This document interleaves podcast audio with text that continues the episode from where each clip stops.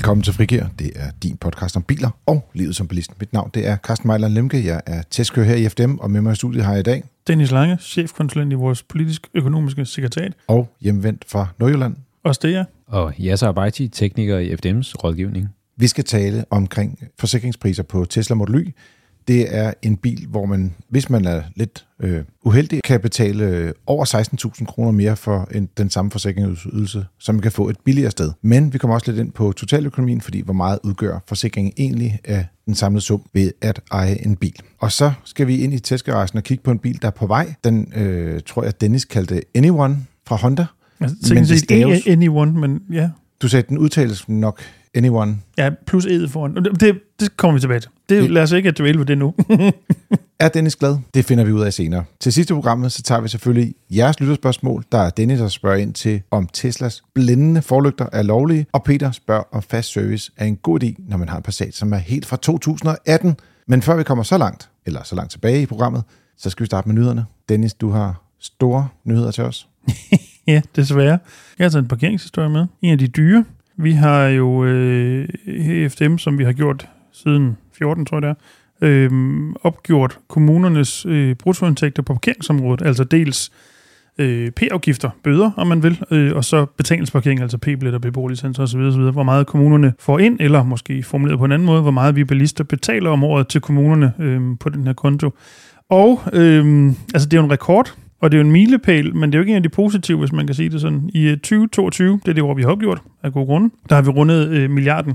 Vi er nu oppe på øh, 1 milliard og 42 millioner og nogle øh, småøger derfra. Som det, det er faktisk 861.130, så det er faktisk, du kan godt sige 43 Ja, det er tæt på i hvert fald. Millioner. Ja, ja. det er det afrundet. Ja. Øhm, som at øh, vi bilister hver år har betalt til landets kommuner, i hvert fald dem, der har B-kontrol og eller øh, betalingsparkering, øh, for ja, parkering.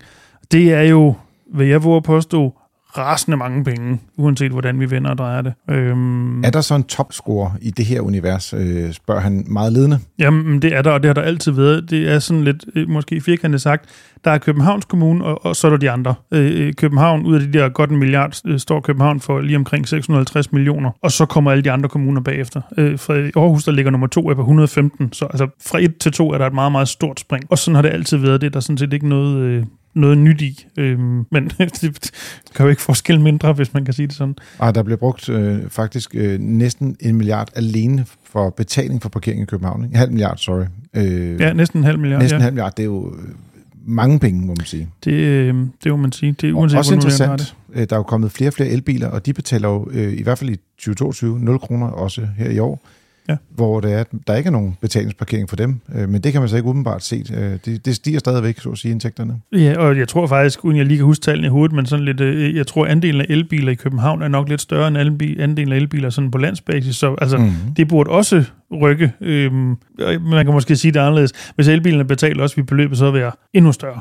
Så må jeg spørge dig om noget, Dennis? Det kan du tro, du må. Øhm, det her, det er så kun øh, kommunerne, ikke også? Jo, det er kun kommunerne. Øhm, der kommer selvfølgelig alle de private P-selskaber oveni, men de opgør jo ikke øh, tingene og vil ikke dele tallene osv., så, så, så, så dem har vi ikke kigget på her. Det er alene kommunerne og deres, mm. deres indtægter, de penge, vi betaler til, til kommunerne som bilist. Jeg spørger, fordi jeg lige har fået en øh, P-afgift i, øh, i sidste uge. Nå, øh, hvad, hvad har du nu lavet, Jesse? Jeg skal hjem og besøge mor. Lige pludselig så, så, var, så var der et skilt. øh, lige pludselig var der et skilt efter mange, mange år. Øh, og skiltet har jeg jo ikke tænkt over. Jeg plejer jo at holde der. Jeg har holdt der i rigtig mange år. Og så kommer jeg ned, og så er der en gul lap. 850 kroner. Det er så sure penge. Det som, der. som jeg ser det, så er det vel i virkeligheden din mors skyld. Fordi hun ikke fortalte, at der var kommet noget nyt. Om hun sagde det til mig, da jeg spurgte hende, øh, da jeg spurgte hende hvad det var for en gul øh, lap, der var dernede. så sagde hun, nå ja, vi har fået nye parkeringsregler. Men det var lidt for sent. Så, men jeg tænker, altså, hvis, hvis bøde, bødestørrelsen øh, eller parkeringsafgiftsstørrelsen er 500, omtrent 500 kroner ind i byen, altså ind i Københavns Kommune. Ja, kommunerne er jo 510, og så er der lige et par enkelte steder, hvor du i enkelte forseelser, du betaler 1020, men langt de fleste tilfælde ja. 510. Men det er bare de her private parkeringsselskaber, de, øh, de, er jo, de er ikke kede af det. Nej, det er jo typisk 600-800 kroner op, opad. I ja, 850 slap jeg. Ja. Men det gode er, jamen det er lige, lige præcis det, det er jo det, man kalder øh, lærepenge jo, ikke? Øh, det er bare lidt sent alder at begynde at betale mm. lærepenge. Øh, ja. ja. så. Yes. Ja. Sådan er det. Men måske også bare for en god ordens skyld, øh, for lige at vende tilbage til kommunerne, jeg kan faktisk ikke huske, om jeg sagde det tidligere, men, men det er måske ved at bemærke, at den langt største portion af den her milliard er jo betalingsparkeringen. Altså det er ikke fordi, mm. jo bevares, der bliver pålagt en pokkers mange øhm, p-afgifter for folk, der holder ulovligt, men den største del beløbmæssigt, det er rent faktisk betalingsparkering, altså people og beboerlicenser og alt i den der mm. øh, boldgade. Det er, er det ikke noget med 3 4 eller sådan noget sådan i rundtal, som jeg lige husker det. Øhm, så altså, det er jo ikke fordi, at folk de holder ulovligt for en milliard, hvis jeg må sige det sådan. Mm. Nej. Nej. Så ja, men man kan sige grundlæggende, øh, hvad synes FDM så om det? Det er måske jo meget relevant at spørge øh, om. Vi så jo super gerne, at de her penge rent faktisk kom bilisterne til gode, altså blev kanaliseret tilbage til de bilister, der nu engang har betalt pengene øh, i form af ja, bedre parkeringsfaciliteter i virkeligheden. Der er jo mange steder, især i de større byer, hvor der mangler P-pladser, øh, altså hvor efterspørgselen er større end udbuddet. Det kunne man jo passende bruge nogle af alle de her rasende mange penge til at gøre noget ved. Øh, som det er nu, ryger pengene jo i enten øh, den kommunale kasse for en stor dels vedkommende, og så tager staten nogle af pengene også, men det ryger jo så bare i statskassen. Det er jo ikke øremærket mm. til noget, nogle af pengene. Øhm, det så vi sådan set gerne, det blev, når nu det skal være, at vi skal betale så mange penge. Apropos parkering, så har jeg en, øh, en nyhed med, øh, som handler om parkering med en trailer. Øh, vores kollega har skrevet en øh, historie øh, omkring, hvordan skal man egentlig... Øh, hvordan skal man egentlig parkere med, med en trailer? Øh, det, der er mest irriterende, det er det der med, at man kigger hen ad siden, og så kan man se, altså, så kan man se, der, der er måske en plads derovre, og så kører man hen, og så holder der en trailer. ja, som sådan lige holder en meter eller ja, længere end de andre biler. fylder hele båsen. Men der er faktisk meget forskel på, øh, hvordan øh, man skal holde, øh, om man kan holde, hvad kan man sige, hvis der er to pladser i forlængelse af hinanden, om man må holde, øh, og hvor det kun tæller som en enkelt bil, eller også så, øh, så skal man faktisk oprette sin trailer, for eksempel i sin parkeringsapp, og så, må, så skal man så hægte den af, og så sætte den på en p-bås ved siden af sin bil. Det er øh, super kompliceret for, for, for, for dig og mig at finde ud af, hvad, hvad må man, især hvis ikke det står på, øh, på skiltningen, hvad det er, øh, at man må. Og når jeg sådan tænker tilbage, så synes jeg faktisk ikke, jeg kan huske, at jeg har set, hvad der står, øh, og, og mindes ikke, at der, der står. Jeg tror, det er meget få tilfælde, hvor der rent faktisk er et eller andet pinpoint på skiltning om, der man kan sige omkring, øh, jeg ved sådan en trailer, campingvogn og så videre. Ja, lige præcis. Men, men altså alt efter, om det er øh, Europark, eller Q-Park, eller Parkzone, eller hvem det nu er, øh, så er der forskel på, og, hvad man må, og hvad man ikke må. Øh, og så øh, vores kollega øh, fra øh, vores øh, juridiske afdeling, Simon øh, Kildeby, han... Øh, han siger faktisk, at det er en rigtig god idé at få øh, styr på dokumentationen i forhold til, når man køber en p-billet. Øh, hvis det er sådan en, man trækker, jamen så skal man så sætte den øh, ved siden af nummerpladen på traileren. det gør det altså lidt mere kompliceret det hele, ikke? Øh. Ja, den, den kan jo ret let lånes af en øh, skal man sige, urealiseret, eller måske en, øh, en, en kraftig blæst, som vi også oplevede i forbindelse med måske en havlby og noget regnvejr. Ja. Så kunne den jo også forsvinde der. Ja. Så jeg tror også, han råder også til, at man lige øh, tager et billede af det, som har noget dokumentation. Ja, lige præcis. Men, men det, øh, hvad kan man sige, hele humlen i den her historie, det er, at, at øh, det er lidt det vilde vesten, øh, kommer lidt an på, hvor du parkerer, og hvad der står øh, på skiltningen. Øh, men prøv at, at se, om, om, om ikke du kan finde ud af det på, på skiltningen, og, og ellers så prøv at dokumentere, hvad, hvad det er for noget, man... Øh, altså, hvor er det, man øh, nu parkerer, og dokumenterer så, hvad det er for noget, man, øh, man må og ikke må på, på det sted. Og ellers vil jeg sige, også her, øh, hvis man er i tvivl og ikke vil risikere en afgift, hold et andet sted. Mm. Det er desværre det bedste råd. Ja, og, og jeg lærte faktisk noget nyt øh, for, for, for, for ikke så længe siden. Er det, der kom skilt op af din øh, mors øh, udover, udover det. øh, hvis man har en lang bil, det vidste jeg faktisk ikke, hvis man har en lang bil, som, som øh, man parkerer ind i en bås, hvis ikke den kan være i, hvad kan man sige, i, i munden på båsen, ja. øh, for båsen er ikke altid lukket, altså det er ikke en firkant, mm. men, men er åben ligesom et U, mm. eksempelvis, så kan det faktisk også øh, give en, øh, en P-afgift. Øh, ja. Yeah. Og, og, og jeg var helt paf, men, øh, men det kan den godt, fordi det er, det er som om, at der er en usynlig linje Ja, men jeg vil sige, det holder ikke nødvendigvis altid det med den usynlige linje, sådan lidt. Og her taler jeg på baggrund af erfaring fra parkeringsklagerne på de private ja. områder, også lidt fra det kommunale. Ja. Øhm, jeg vil lade mig sige, det kommer lidt mere an på en, på en øh, konkret vurdering. Ja, men, men, men når man tror, at det er meget tavligt, så kan det være endnu mere tavligt. Mm, ja. ja. Har du også en uh, parkeringsnyhed, Carsten? Det, øh, ja, jeg ved om ikke andet, så er der måske nogen, der parkerer deres drømme om Passat. Hvis øh, det er sådan, Super at... man må gøre, hvad man kan gøre. Det er sådan, at øh, Passaten ikke udkommer som øh, sedan længere. Det er der jo trods alt nogen, der har valgt. Ikke så meget i Danmark, men øh, jeg var der 10-15 procent af, øh, skal man sige, af salget øh, af, øh, har været sedanger øh, tidligere. Og, og nu kommer den simpelthen kun i den nyeste generation som stationcar. Og øh, lidt interessant, så bliver den øh, også større og bygget øh, samme sted, som man bygger Skoda Superb, øh, hvilket nok også kan forklare lidt, de siger, okay, vi kan ikke bygge en bil, der er så meget mindre end en Superb øh, på samme sammenbånd. Det, det bliver pinligt. så, øh, men om ikke andet, så har de jo på vanlig, øh, skal man sige, folkevognvis, lige opdateret deres model lidt, øh, og øh, sådan, når man kigger på den udefra, jeg vil sige, den er lavet noget om, sådan rent designmæssigt på forenden og bagenden, men når man sådan kigger hen langs med siderne af, af røret, så, så ligner den bare en Passat. Altså som den altid har gjort, ikke? Med dørene og sådan nogle ting. Ja, og så alligevel nej, hvis du spørger mig. Spørger du mig?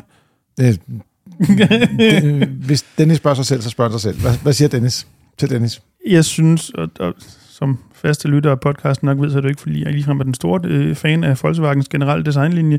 Øhm, jeg synes, det er blevet værre på en eller anden måde. Den er, den er mindre stram i udtrykket, og det er ligesom, at der er nogle linjer, der bare er sådan mystiske. Og så ligner den på en eller anden måde en, en, en, en, en fesen udgave af en Superb stationcar. Jeg synes ikke, de slår særlig godt afsted med den her. Jeg synes, den nuværende Passat stationcar faktisk den er ikke sprudlende, mm, men den fungerer. Det synes jeg ikke rigtigt, den her den gør. Nu er design selvfølgelig altid lidt en smagssag. Øh, absolut. Men absolut. Jeg, jeg synes måske, bagenden er, lidt mere vellykket end forenden, hvor det er, at ja, forlygterne virker lidt fade, hvis man skal ja, sige på den ja. måde. Men de har gjort det, øh, jeg synes trods alt ikke, at de sådan har lavet den relativt enkel i fronten, med en rimelig stor underkølergrill, eller et underbed, der er ret stort, ikke? Jo, det må man sige. Øh, så, øh, men, men derudover, øh, interessant, øh, kun stationcar. En anden ting, det er, den kommer kun med automatgear. Øh, og så er der selvfølgelig øh, fokus på plug-in hybrid. Det skal siges, at Passaten bliver ikke en elbil. Der har de jo den model, der hedder ID7 i stedet for. Mm. Så, så den kommer som plug-in hybrid, og der får et større batteri på næsten 20 kWh. Det er jo næsten det, elbilerne havde, da de kom frem i sin tid. Ja. Vi har haft kørt elbiler med mindre batteri i hvert fald. Mm.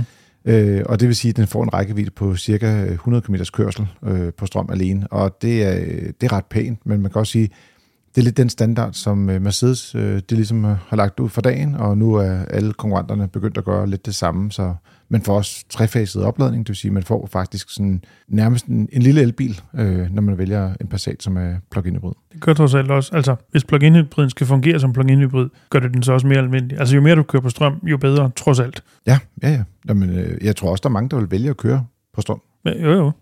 Ganske givet. Det bør man da også, hvis man køber en plug-in hybrid. Jamen også det der med, at når, hvis, skal man sige, den gamle Passat, mm. der havde du sådan en rækkevidde på sådan 30-40 km, Ja. sådan reelt, ikke? Ja. Den her har måske en reel rækkevidde på 80. Men det gør så også, at du, altså det er jo der er mange, der har et kørselsbehov på under 80 km om dagen. Ja, absolut. Og så sidder teknikerne og siger, hvornår starter motoren så, og hvornår kan jeg få smurt mine ventilhætter, eller hvad det er for nogle ting, de har gang i. Ventilhæt. Er det ikke det, du plejer at tale om? Nej, jeg ved godt, det er nogle ting. Krumtopaksel og alt det andet. Nå. Ja. Men den får også en øh, opdatering i kabinen selvfølgelig, og den minder meget om det, vi har set i, i det syvende også, øh, blandt andet med en, øh, en ny skærm øh, på 13 tommer. Øh, den, er ikke, den er ret stor, men den er ikke den største skærm, der findes øh, i branchen, men øh, med samme skærmmenuer, som man også har set på ID7. Så Mit første fjernsyn, da jeg var barn, ung, mener jeg bestemt på 14. Hmm. Det, det, var, det var dem, man kunne købe i Bilka. 13, Ja, ja. 13 tommer og 14 tommer. og så, og, Og, og, og så var det med dybe. farve. Ja, ja, ja, ja det var vi tilbage i, i, i Billerøds fjernsyn. Ja, ja, ja. Øh, Dengang okay. fjernsyn var tunge, Ja. selvom det kun var på 14 tommer. øh, men øh, der, er- det ser vi flere biler, der har skærme i den størrelse efterhånden. Det begynder at dukke op flere og flere biler, der har sådan 14-15 tommer skærm. Mm. Mm. Øh, og forstår man jo godt, fordi der er flere og flere ting, der bliver flyttet ind rent skal man sige, betjeningsmæssigt ind i skærmene, så der er brug for lidt mere plads der. Bagagerummet det er også vokset en lille smule, så nu er det op på 690 liter. Og det er næsten øh, Mercedes-Benz E-klasse territorie. Altså jeg vil sige, der, der kan ikke være mange, som klager over, at øh, de savner bagagerumsplads i sådan en bil.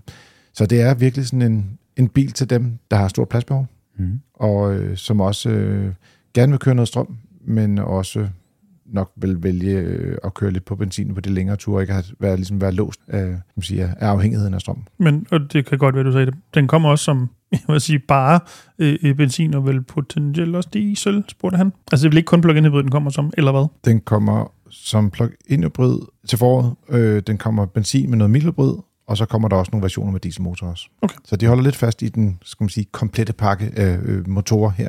Ja. Men hvis man kigger på bilmarkedet i dag og ser på, hvordan dieselbilerne bliver prissat i Danmark for samtlige bilmærker, også Mm. for Folkevogns øh, øvrige bilmodeller. Jeg tror ikke, vi kommer til at se mange dieselbiler. Det Nej, tror jeg nej. simpelthen ikke. Øh, det, det er ligesom om, det er enten benzin, og så i det her tilfælde tror jeg rigtig mange øh, firmabilister bliver kanaliseret over i at vælge den som, øh, som plug-in hybrid, simpelthen for, at det ser pænt ud på CO2-regnskabet for virksomheden og øh, ESG, ja. ESG-trafikken. Al- alternativt bliver bedt om at tage en ID7 i stedet for.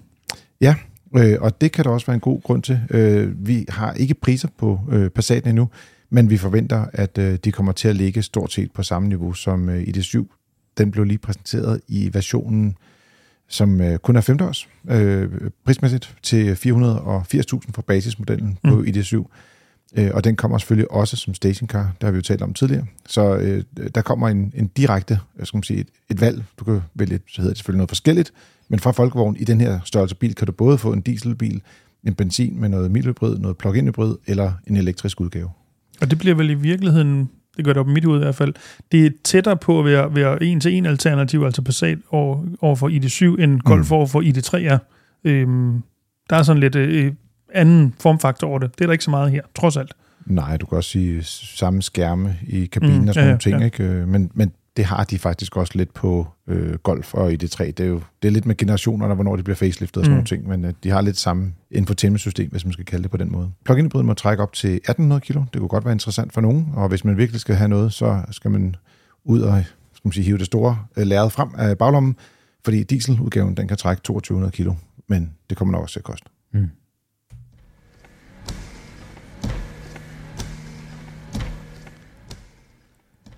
Nu er det tid til denne uges lille minitema. Det er sådan, at vi sidste uge øh, talte lidt omkring forsikringspriser på elbiler og benzinbiler. Vi havde Ilias øh, Dogro i studiet. Der kom mange tal. Vi forsøger at gøre lidt det samme med lidt færre tal, men fokuserer på den bilmodel, som er ubetinget den mest solgte nye bil i Danmark her i 2023, Tesla Model Y. Der er rigtig mange, som går og overvejer den. Jeg ved også, der er mange, også både folk, jeg har talt med, men også folk, jeg har læst om og hørt om, og tænker også i rådgivningen, får et chok og siger, kan en forsikring virkelig være så dyr en bil? Det forstår jeg ikke. Det er øh, sådan, at hvis man tager øh, en, øh, en Tesla, øh, selv den billigste udgave, så er den øh, markant dyrere at forsikre end øh, skal man sige, andre elbiler i samme størrelse. Mm. Hvis man tager for eksempel en Skoda Enyaq, som er meget sammenlignelig øh, i klasse og størrelse, så er, er prisen faktisk øh, over 60% højere for en Tesla. Og øh, hvis man vælger Teslaen med den skal man sige, lidt længere rækkevidde, som måske matcher Enyaqens rækkevidde lidt mere, mere præcist, øh, selvfølgelig også lidt hurtigere, men øh, hvis man bare kigger rækkevidde, så er det nok den, man skal gå efter, så er det 90% dyrere øh, for en elitebilist at vælge en Tesla i forhold til en Enyaq. Så vi har også været inde og kigge lidt på, hvad årsagen er til det, øh, og vi har lavet en artikel om det inde på fdm.dk, så hvis man er interesseret i at vide præcis baggrunden for det, øh, hvad er det for nogle ting, der gør sig gældende i forhold til værksteder og øh, så videre, øh, der har vi haft øh, en snak med nogle, øh, skal man sige, en baggrundssnak med nogle folk i forsikringsbranchen, som har givet os nogle informationer, vi kan tage med videre.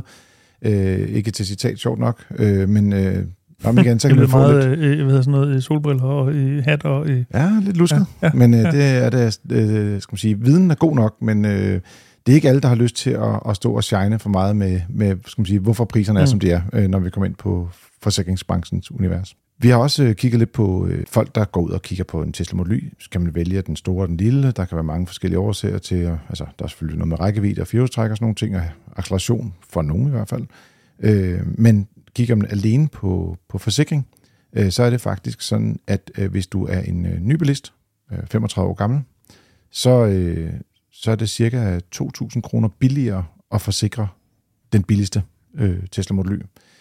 Øh, og hvis man er elitebilist, så er besparelsen lidt mindre ved at, så at sige, downsize. Den er kun 1.500 kroner om året, øh, vel at mærke. Det er jo års, årspriser på den her slags ting. Mm.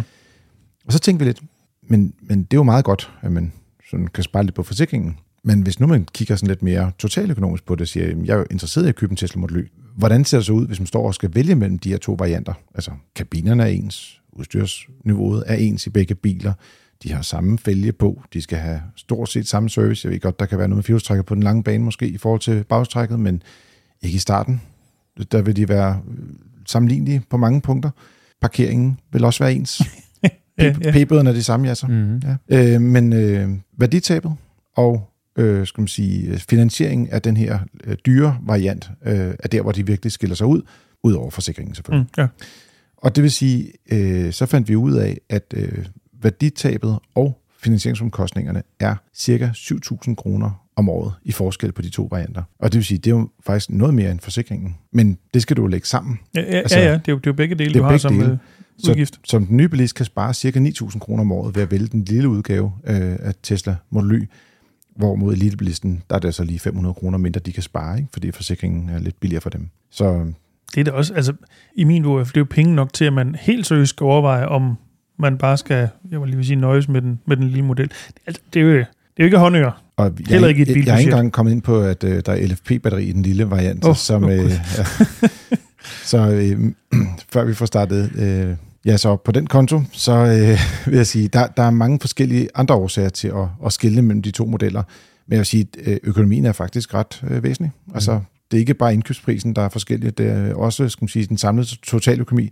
Vi laver en beregning, der går over fem år og, og 100.000 km, altså 20.000 km om året. Ikke? Mm. Øhm, Jeg har også øh, i den beregning har vi forudsat, at man har cirka samme energiforbrug. Der kan være måske lidt mere forbrug med firehjulstræk kontra øh, bagstræk, men hvis du kører normalt, så tror jeg simpelthen, at det er altså det, det er på en afrundingsfejl. Man kan se Mm. forskellen på de to i effektivitet i hvert fald. Mm. Er der mere til emnet egentlig? Eller?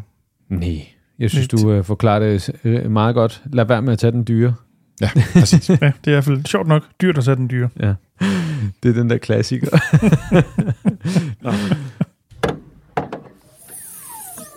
I denne uge skal vi se nærmere på Honda E kolon stort N lille Y et et-tal. Det er en, øh, en bil, der har fået et så nørdet navn, at øh, man nærmest må øh, korse sig og sige, hvad har I gang i hos Honda? Men øh, de har lavet en øh, ellers øh, ret interessant, vil jeg sige, øh, lille SUV, som øh, kommer på markedet øh, med en rækkevidde, der lige er over 400 km, så det er jo ikke det voldsomste. En pris, der ligger på 330.000 kroner op efter. Og øh, ja, så har de fået vendt deres sk- medieskærm ind i kabinen, men i virkeligheden, så synes jeg, vi skal gå over til en person, som øh, interesserer sig for den her slags køretøjer og mærket Honda. Øh, Ja, ja, ja. Øh, interesserer sig, det er vel ikke sagt for meget. Nej, det, det gør det ikke. Er det Dennis drømmebil, det her? Nej, ikke engang lidt. Overhovedet ikke. Slet ikke. Øh, øh, altså, af to årsager. Jeg synes ikke, den kan så meget ud over, i forhold til alle konkurrenterne, og øh, jeg synes, den er meget kedelig at kigge på. Så allerede derfor, allerede derfor er jeg ude. Men den har den samme gearvælger, som du har i din bil. Du, det burde da være nok Ej, til det, er at vælge simpelthen, den. det er simpelthen ikke rigtigt. Har du ikke den der med knapperne, der ligger bag Nej, hinanden? jeg har en god gammeldags øh, øh, Ej. automatgearstang, som man skal rykke frem og tilbage. Det ved man hvad. Det er kram. Det ved jeg, du også godt kan lide, Carsten. Nej, øh, jeg, jeg er mere til den nye. Det må jeg anerkende.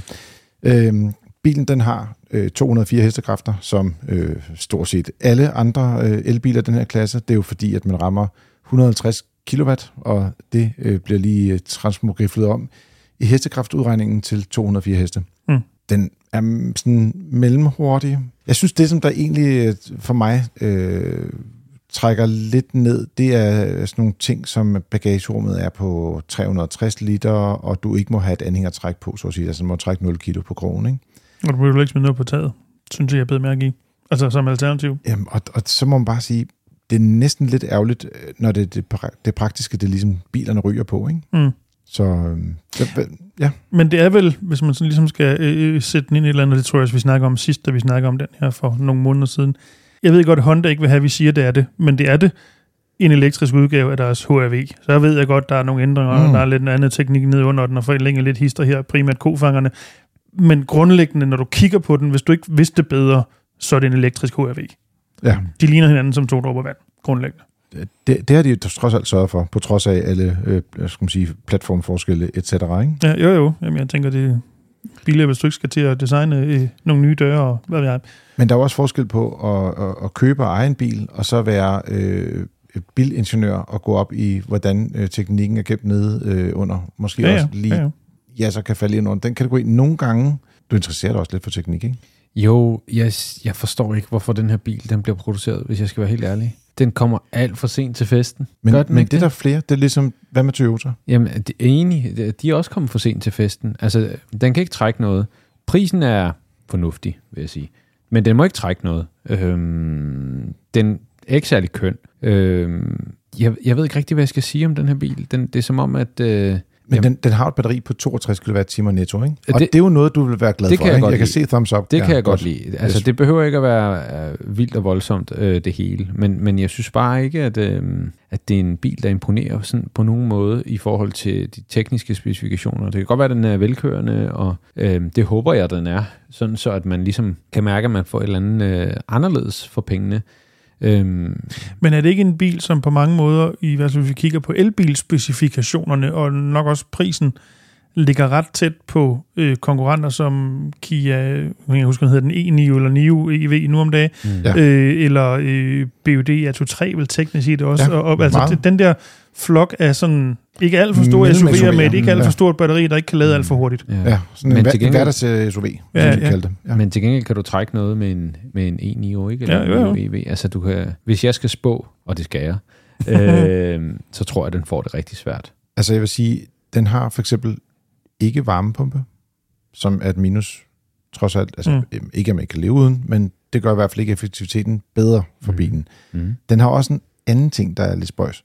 Det er, at øh, min kollega Torben har været ude og prøvekøre den, og man kan jo læse hele artiklen og anmeldelsen inde på vores øh, hjemmeside, og der er også en video både på YouTube og på fdm.dk, hvor man kan se bilen lidt tættere på. Men han noterede, at motoren støjer, og det er sådan, i starten, der kunne man høre sådan nogle hyletoner, eller skal man kalde det, mekaniske hyletoner eller sådan noget, fra elmotorerne. Men det er ligesom blevet syet ud i de fleste elbiler. Nogle af dem har lavet sådan en, jeg synes, du har lidt en Taycan, sådan en lyd af elmotor, der accelererer. Men det, det er sådan en designerlyd, der altså, er lavet kun, til at kunstig lyd, du lægger ind over. Ja, men jeg tror lidt... Jeg Nå, tror, det er en nå, ja. kombi hos dem, Okay, faktisk. okay. Men, men i den her, der er det i hvert fald en, en mekanisk ikke lækker lyd, Mm. øh, som der bare er der. Øh, og, og Honda, de laver så ikke selv den her øh, elmotor, eller elmaskine, men de køber den hos en, en tysk underleverandør, der hedder Vitesco. Og jeg ved ikke, om det er derfor, den ligger, eller det der med, som, som jeg så siger, de, de var på vej for sent hen til en fest, Mm. og så tænkte de, hvad har vi på hylderne, Mm. Ja, ja. ja. vi kan smække i, ikke? Jo, det, det er lidt ærgerligt. Altså, øhm, jeg er jo Honda-fan af det gamle Honda, ikke? Altså, de har jo lavet fantastiske biler, både designmæssigt og, og altså rigtig køremaskiner med VTEC-teknologi, altså ventilteknologi og altså flot Mm. design og fuse øh, Styring. styring. Øh, Honda Prelude, øh, Yep. Honda Integra, Honda Civic, øh, Type R-modeller. Og så laver man sådan en bil som den her, hvor jeg bare tænker, øh, altså, ja, jeg, jeg synes, det er ærgerligt. Øhm, Men, Men- kan man måske forklare lidt af det ved at sige, at det er faktisk øh, Hondas lokale partnere i Kina, der hedder GAC og Dongfeng, der rent faktisk fremstiller bilen. mm, Og der bliver den også solgt under øh, deres navne i Kina. okay. Og så man kan jo sige, det er lidt ligesom, og nu skal vi passe på med, at vi skal lige adskille de her to biler øh, meget kraftigt. Mm. Dacia Spring, der jo også findes under nogle andre navne i Kina Ja. og blev sendt hertil. Uden sammenligning i øvrigt. Ja, Men det var fordi også det, du sagde. Ja, man skal Ja. ja. bare lige huske på, at øh, øh, Dacia Spring er øh, nok den værste øh, elbil, der overhovedet findes på markedet, og den skal vi ikke anbefale på nogen måde. Øh, usikker og ekstremt dårlig og kort rækkevidde, og altså bare på alle måder en dårlig bil. Det er Hondaen ikke. Men det er sådan en, man kan sige, det er sådan et mellemvarmt valg Mm. for dem, der sådan stadigvæk har de hjerte, der banker øh, for, for den del af Honda, som ikke er VTEC-motor og fjolstyring. Mm. Ja. Men, men så, så synes jeg bare, at den får det svært, og det er derfor, jeg, jeg tror, den, den vil... Den vil jeg tror, jeg tror, at den er sådan en bil, som vil lande mellem to stole, hvis man kan sige det sådan. Jeg, jeg, mit bud, hvis jeg skal spå, nu gjorde du det før, jeg tror heller ikke, at den kommer til at sælge i store antal. Jeg tror dog, at den er bedre hjulpet nu til 330.000, i stedet for de 300, var det 70, den oprindeligt blev mm. Præsenteret til, fordi det var helt håbløs pris. Mm. Nu er den der i hvert fald prismæssigt også på linje med konkurrenterne. Mm. Men så er det jo så, går man på den, eller går man på en af konkurrenterne, og det, der kan jeg også godt tvivle en lille smule. Men mindre man er sådan, du ved, vi vil gerne have en Honda, vi har altid kørt Honda, der er aldrig noget i vejen med dem, det fungerer Mm. bare, øh, vi går ned til vores lokalforhandler og køber på, han nu han har agtigt noget, ikke? Men som, altså, det, som jeg har set, den tendens, jeg har set de sidste ja, 10 år, øhm, det er faktisk, at folk er ikke så mærkeligt lojale Nej, men det er længere. Øhm, så, så, så man skal virkelig have et eller andet, der skal virkelig være et eller andet, især øh, de, den yngre generation, altså min generation og, og yngre endda. Hvordan har I det i jeres generation, Jasser? Det, det, er faktisk, det er faktisk rigtig lækkert. vejret er bedre, og, og nej. Øh, men de er ikke lige så loyale. Altså, det er ikke ligesom, øh, da jeg var mekaniker, der, der kom folk jo ind i indskrivningen, som har, mm.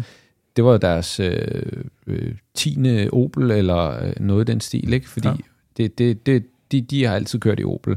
Øhm, men sådan er det ikke længere. Altså, det, og jeg tror, de kommer til at få det svært. Det kan godt være, at det er sådan i udlandet, øhm, men, men ikke herhjemme. Ja, altså jeg tror også, den, altså den, det er ligesom om, det der Honda-DNA'et, det, det, det mangler måske at ses tydeligt i den her bil, for ligesom at sige, mm. det er der, den ligger. Jeg kan også godt se det der med, altså, øh, altså Dennis, nu, det er ikke fordi, du, nu kan du ikke lige, lige præcis designe på den her bil, men nej, generelt altså, den er ikke du, grim, men... nej, men synes bare, det er lidt ligegyldigt. Ja.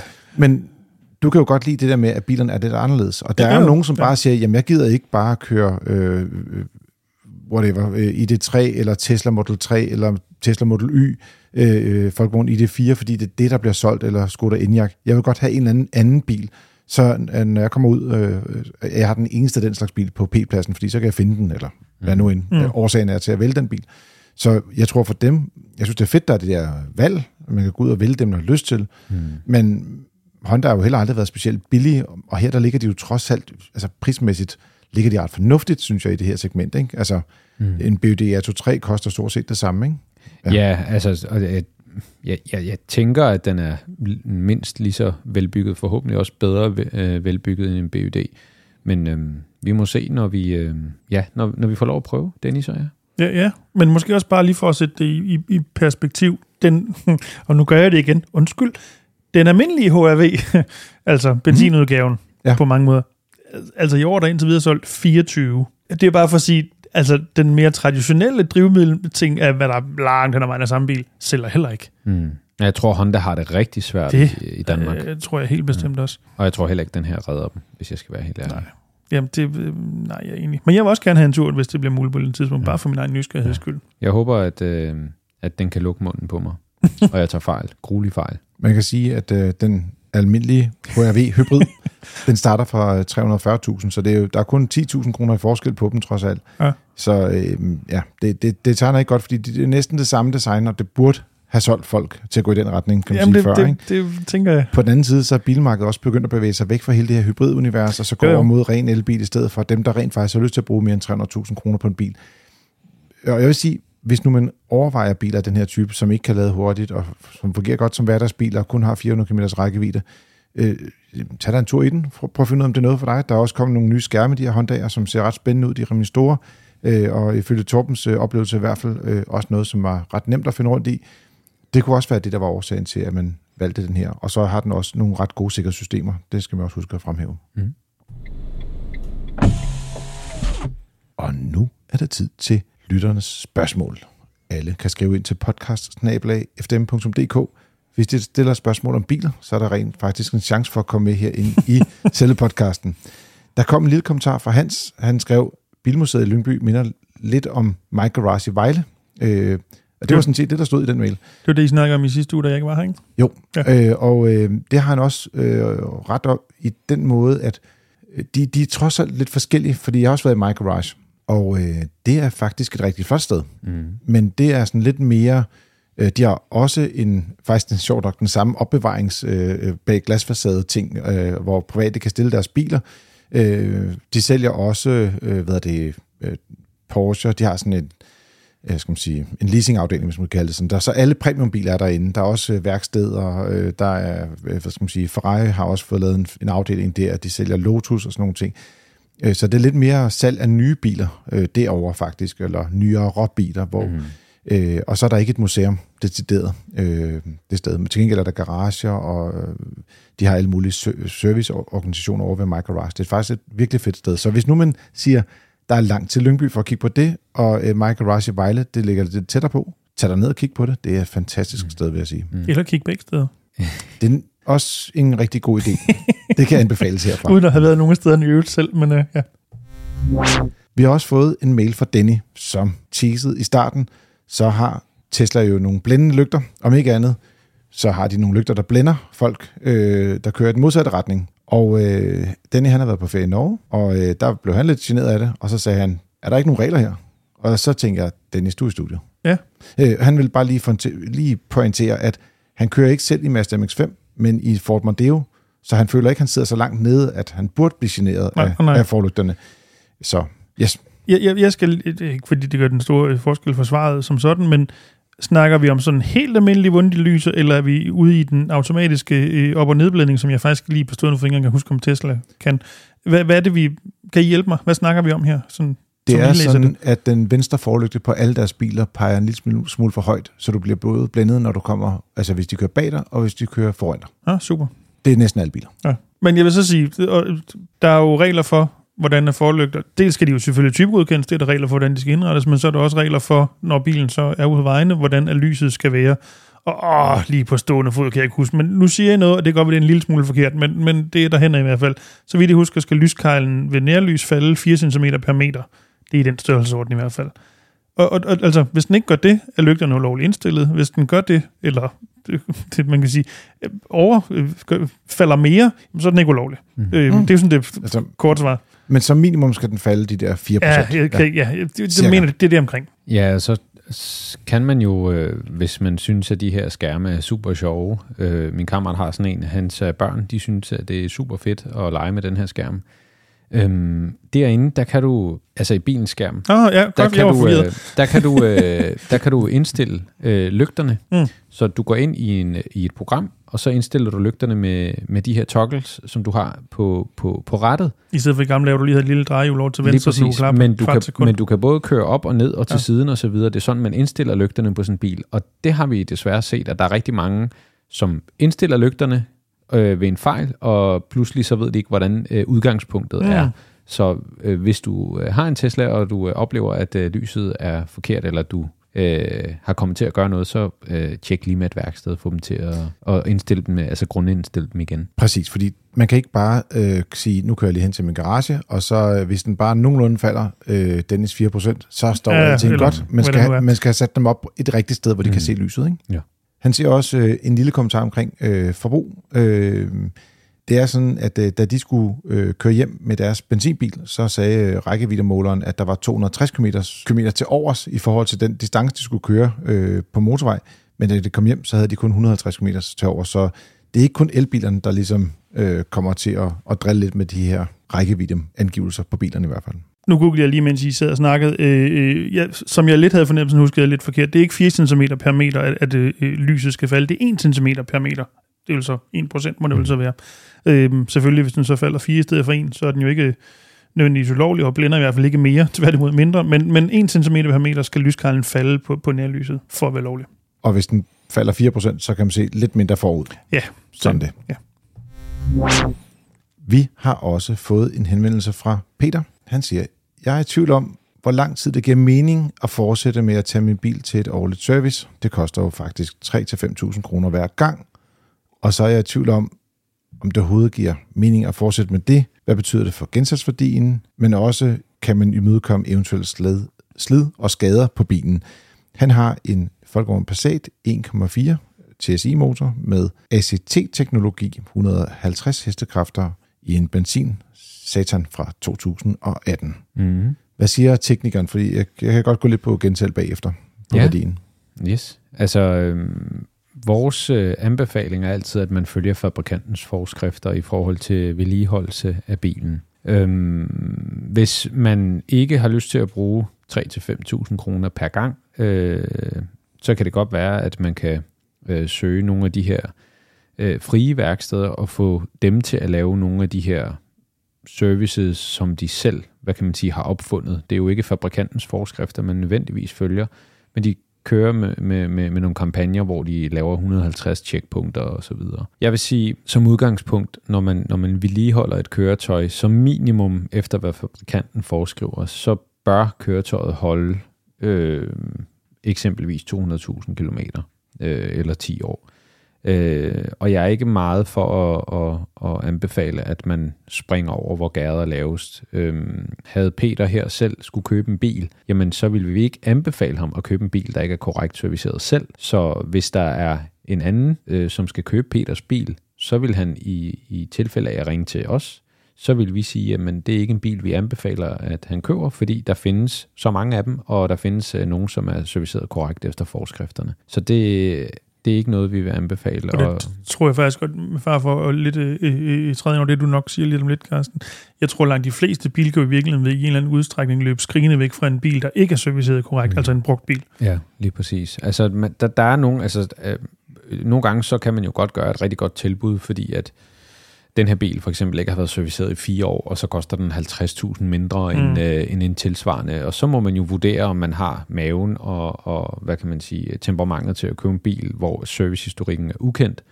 Det øh, skal stå en frit for, men øh, hvis man er lægmand og ikke har mulighed for at undersøge tingene osv., så, jamen, så er den her bil potentielt øh, rigtig dårligt vedligeholdt, øh, dårligt smurt ind i motoren, øh, andre ting, som, som bare har fået lov at, og, hvad kan man sige, øh, gå til. Øh, det vil vi ikke anbefale. Jeg tænker også lidt, altså en ting er, at man kan vurdere, om man går det ene eller andet sted hen. Man kan spare lidt på værkstedstimerne, måske vi ikke at vælge et, et mærkeværksted fra Folkevogn af.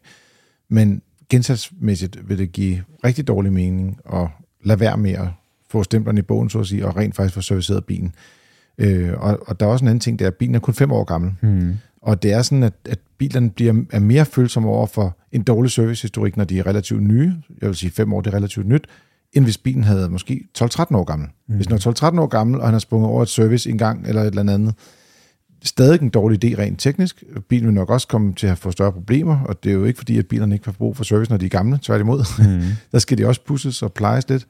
Øh, så jeg vil sige, det, jeg vil heller ikke anbefale det. Øh, fra min side i hvert fald i forhold til økonomidelen af det, og, og, og springe derover.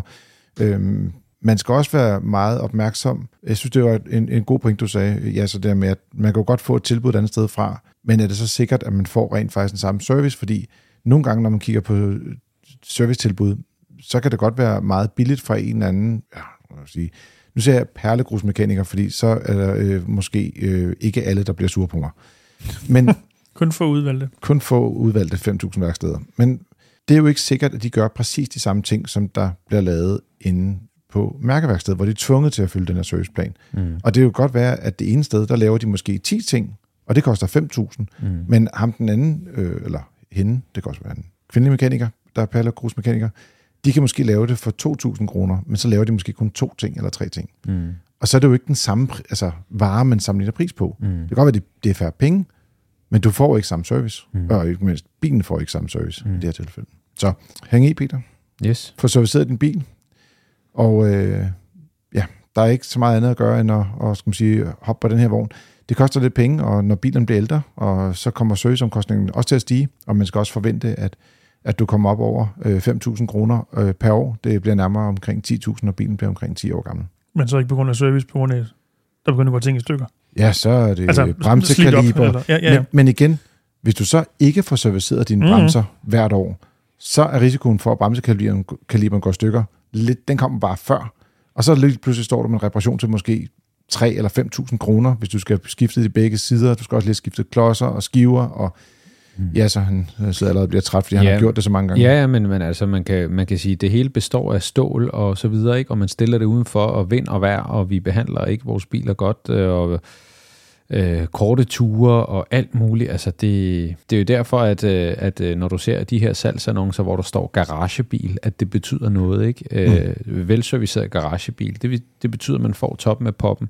Øh, jeg, vil ikke, øh, jeg vil ikke købe sådan en bil, hvis ikke den var serviceret korrekt. Du har lyttet til Frigær. Det er din podcast om biler og liv som bilist. Husk at trykke abonner ind i din podcast-app, og anbefale os gerne til nogle af dine venner. Har du spørgsmål, som Peter og Denny, så kan du sende den til podcast fdm.dk. Ellers er der ikke andet at sige, øh, ja, så er det næste. Tusind tak. I lige måde. Selv tak. Og til dig, kan lytte, tak fordi du lytter med, og god tur derude.